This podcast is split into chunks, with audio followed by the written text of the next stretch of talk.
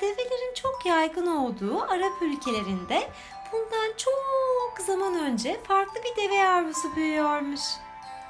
Bu genç deve diğerlerine benzemiyor, kendinden önce hiçbir devenin yapmadığı şeyleri yapmak istiyormuş. Bir keresinde tutturmuş. Babacığım ben uçmak istiyorum. Yavrum senin için çok üzgünüm ama bu durumu hiç değiştirmez. Develer uçmazlar. Daha doğrusu uçamazlar. Kuşlar uçar, yarasalar uçar, kelebekler, arılar, sinekler uçar. Bazı sincap cinsleri uçar. Hatta hatta bazı balıklar da uçar. Ama bir devenin uçtuğu görülmemiştir ve bence görülmeyecektir de. Yani sen bu düşünceyi unut. Sen uçamazsın demiş. Ama yaramaz deve öyle aklına koyduğu düşünceleri hemen unutacak cinsten değilmiş. O günden sonra kuşların tüylerini toplamaya başlamış. Deve kuşlarının, kazların, ördeklerin tüylerini buldukça saklıyormuş.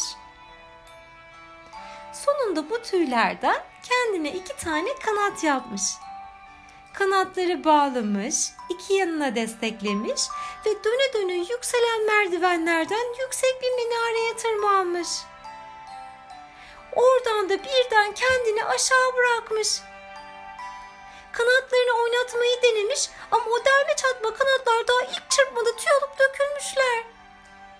Deve yavrusu ise bir kaya parçası gibi giderek kazanarak yere inmeye başlamış. Yaramaz deve yavrusu çok şanslıymış. Çünkü caminin altında pazar kuruluymuş ve deve yere değil kumaş satan pazarcıların tezgahının üstüne düşmüş. Gerçekten de şansı varmış. Ölmemiş. Ama pazarcıların ışmına uğramamak için oradan kaçarken iyi koşamadığını fark etmiş. Deve yukarıdan ayaklarının üzerine düşerken bacakları iki yana doğru iyice açılmış. İşte o tarihten bu yana develerin bacakları tersine çevrilmiş V harfi gibi dışarı doğru yamukmuş.